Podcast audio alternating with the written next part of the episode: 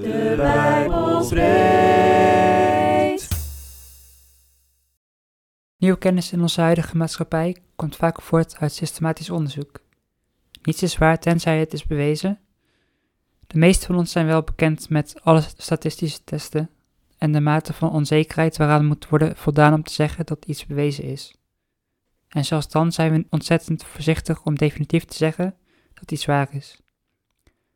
Ook door alle informatie die verspreid wordt over het internet weten we beter dan ooit hoe voorzichtig we moeten zijn om iets voor waar aan te nemen. Wat sport ons dan aan om te geloven dat de boodschap van genade uit een 2000 jaar oud boek de waarheid is? We lezen Gelaten 3, vers 1 tot en met 14. Gelaten, u hebt uw verstand verloren. Wie heeft u in zijn ban gekregen? Ik heb u Jezus Christus toch openlijk en duidelijk als de gekruisigde bekendgemaakt. Ik wil maar één ding van u weten. Hebt u de geest ontvangen door de wet na te leven of door te luisteren en te geloven? Bent u werkelijk zo dwaas weer op uw eigen kracht te vertrouwen en niet langer op de geest? Is alles wat u hebt meegemaakt dan voor niets geweest?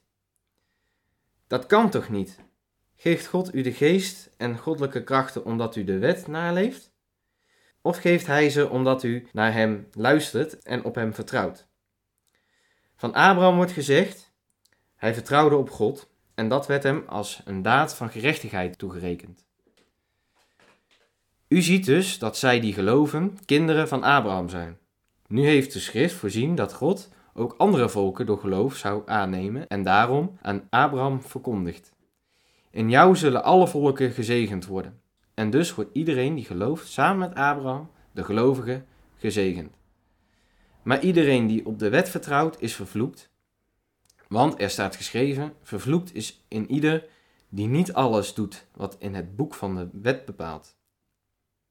Dat niemand door de wet voor God rechtvaardigd wordt, is volkomen duidelijk, want er staat ook geschreven: De rechtvaardige zal leven door geloof. De wet daarentegen is niet gegrond op geloof, want er staat: Wie doet wat de wet voorschrijft, zal leven. Maar Christus Jezus heeft ons vrijgekocht van deze vloek door voor ons te worden vervloekt.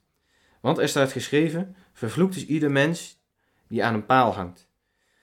Zo zouden door hem alle volken delen in de zegen van Abraham, en zouden wij, zoals ons is beloofd, door het geloof de geest ontvangen.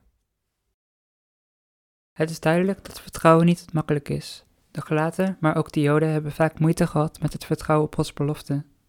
Er wordt wel een voorbeeld gegeven van Abraham die vertrouwde op God. Maar ook Abraham was niet perfect. Zo probeerde hij zijn lot in eigen handen te nemen door een zoon te wekken bij Sarah's slavin, terwijl hem een zoon met zijn vrouw Sarah was beloofd. Het is moeilijk om te vertrouwen op de belofte die ons is gegeven, maar het is wel belangrijk. We lezen nu Romeinen 4, vers 16 tot en met 25. Maar de belofte had alles te maken met vertrouwen, omdat ze een gave van God moest zijn, want alleen zo kon ze voor heel het nageslacht blijven gelden.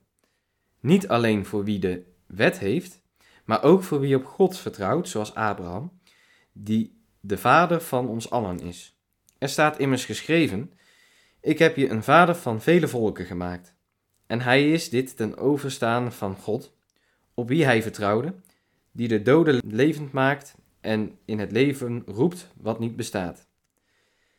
Hoewel het eigenlijk niet kon, bleef Abraham hopen en geloven dat hij de vader van vele volken zou worden, zoals hem was beloofd. Zo talrijk zullen je nakomelingen zijn.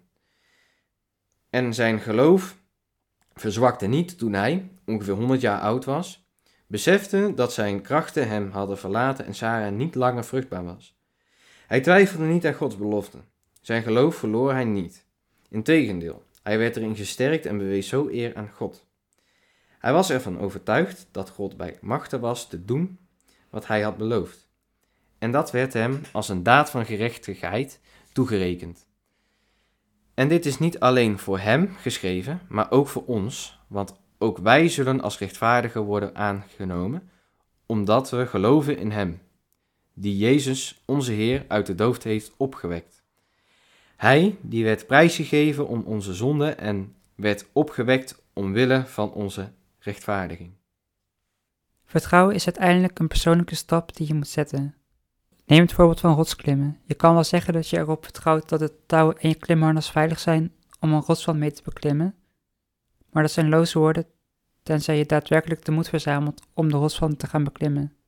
Vertrouwen is dus niet alleen een gevoel, maar ook een keuze waar bepaalde daden uit voortvloeien.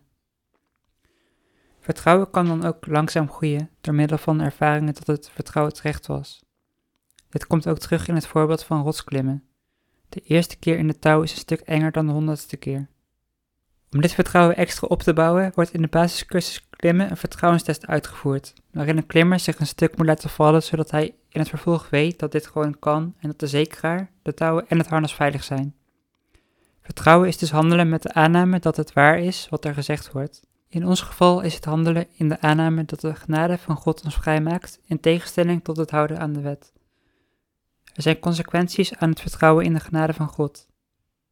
Wanneer we nu de mist ingaan, mogen we niet naar God toe gaan in plaats van te hopen dat we het, zelf wel kunnen fixen. We mogen in gebed naar God toe gaan, onze zonde beleiden en Hem vragen om ons te helpen meer als Zijn zoon te worden. Dan kunnen we samen met God verder gaan en naar Hem luisteren als Hij ons bijstuurt. Want het is God die zowel het willen als het handelen bij u teweeg brengt, omdat het Hem behaagt. Filippenzen 2 vers 13 Natuurlijk is het dan nog steeds de bedoeling om niet de mist in te gaan, maar in plaats van krampachtig het zelf proberen op te lossen, mogen we vertrouwen op de Heilige Geest die in ons werkt en ons langzaamaan verandert naar het beeld van Jezus. De genade van God houdt dus niet alleen in dat onze zonden zijn vergeven en we tot Hem mogen naderen, maar ook dat Hij ons zelf helpt om het de volgende keer beter te doen, zolang we voor Zijn hulp openstaan. God is met ons op weg om ons meer op Jezus te laten lijken. Dat gebeurt wanneer we meer verbonden raken met de Heilige Geest in ons. Uiteindelijk zullen we dan onophoudelijk het goede willen doen uit onszelf. Dit ideaalbeeld wordt al bij monden van de profeet Jeremia door God geuit. Voorzeker, dit is het verbond dat ik na die dagen met het huis van Israël sluiten zal, spreekt de Heer. Ik zal mijn wet in hun binnenste geven en zal die in hun hart schrijven. Ik zal hun tot een God zijn en zij zullen mij tot een volk zijn. Jeremia 31, vers 33. In deze tekst belooft God aan Israël dat de wet uiteindelijk in het binnenste gegeven zal worden, zodat de wet van buiten niet meer nodig is. Op eenzelfde manier mogen we vertrouwen dat God ook ons van binnenuit goed zal maken. Daarin zullen we meer en meer gevoelig raken voor zijn bijsturing en we zullen meer en meer van onszelf aan hem moeten overgeven en dus de controle loslaten. Het lijkt paradoxaal dat we vrijer worden wanneer we meer controle weggeven, maar daar zijn twee dingen over te zeggen.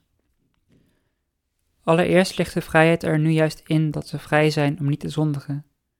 In plaats van als een slaaf onderworpen te moeten zijn aan de zonde, hebben wij de mogelijkheid gekregen volmaakt en goddelijk te gaan leven. Ten tweede zijn wij zijn schepselen. Wij vinden onze vervulling en onze vrijheid in onze relatie met onze schepper. Pas wanneer die relatie recht is gezet, zullen we vrij zijn. Maar die relatie kan alleen recht worden gezet wanneer we ons van tijd tot tijd vrijwillig aan God onderwerpen. Dit is nodig omdat we soms iets willen waarvan we weten dat het niet goed is. Door dit proces van onderwerpen heen laten we ons karakter vormen tot hoe God ons bedoeld heeft. Naarmate we verder zijn in onze geloofsgroei, zal onze wil meer in overeenstemming worden met Gods wil en kunnen we dus meer vrijuit keuzes maken. Wanneer dit proces is afgerond, dan zullen we werkelijk vrij zijn. Zoals Jezus zelf zegt, als dan de Zoon u vrijgemaakt heeft, zult u werkelijk vrij zijn. Johannes 8, vers 36. Nog een kleine overdenking. Vind jij het lastig om te vertrouwen op Gods genade? En ervaar jij vrijheid bij God en waarom wel of niet? En waar is jouw geloof in Gods genade op gebaseerd? Ik ga voor een gebed. Heer God, dank u wel dat u genadig bent en dat we in uw genade mogen leven en dat u alles al betaald hebt, waardoor we niet meer onder de wet leven, maar onder uw genade. En wilt u ons ook helpen als we het moeilijk vinden om uit die genade te leven en op u te vertrouwen. Wilt u zo bij te zijn dat uh, ieder van ons op u kunnen vertrouwen? En wilt u door uw Geest ons meer vormen naar het karakter van Jezus? Dat bid ik u in Jezus' naam. Amen. Deze podcast werd mede mogelijk gemaakt door... Jonathan en Joshua.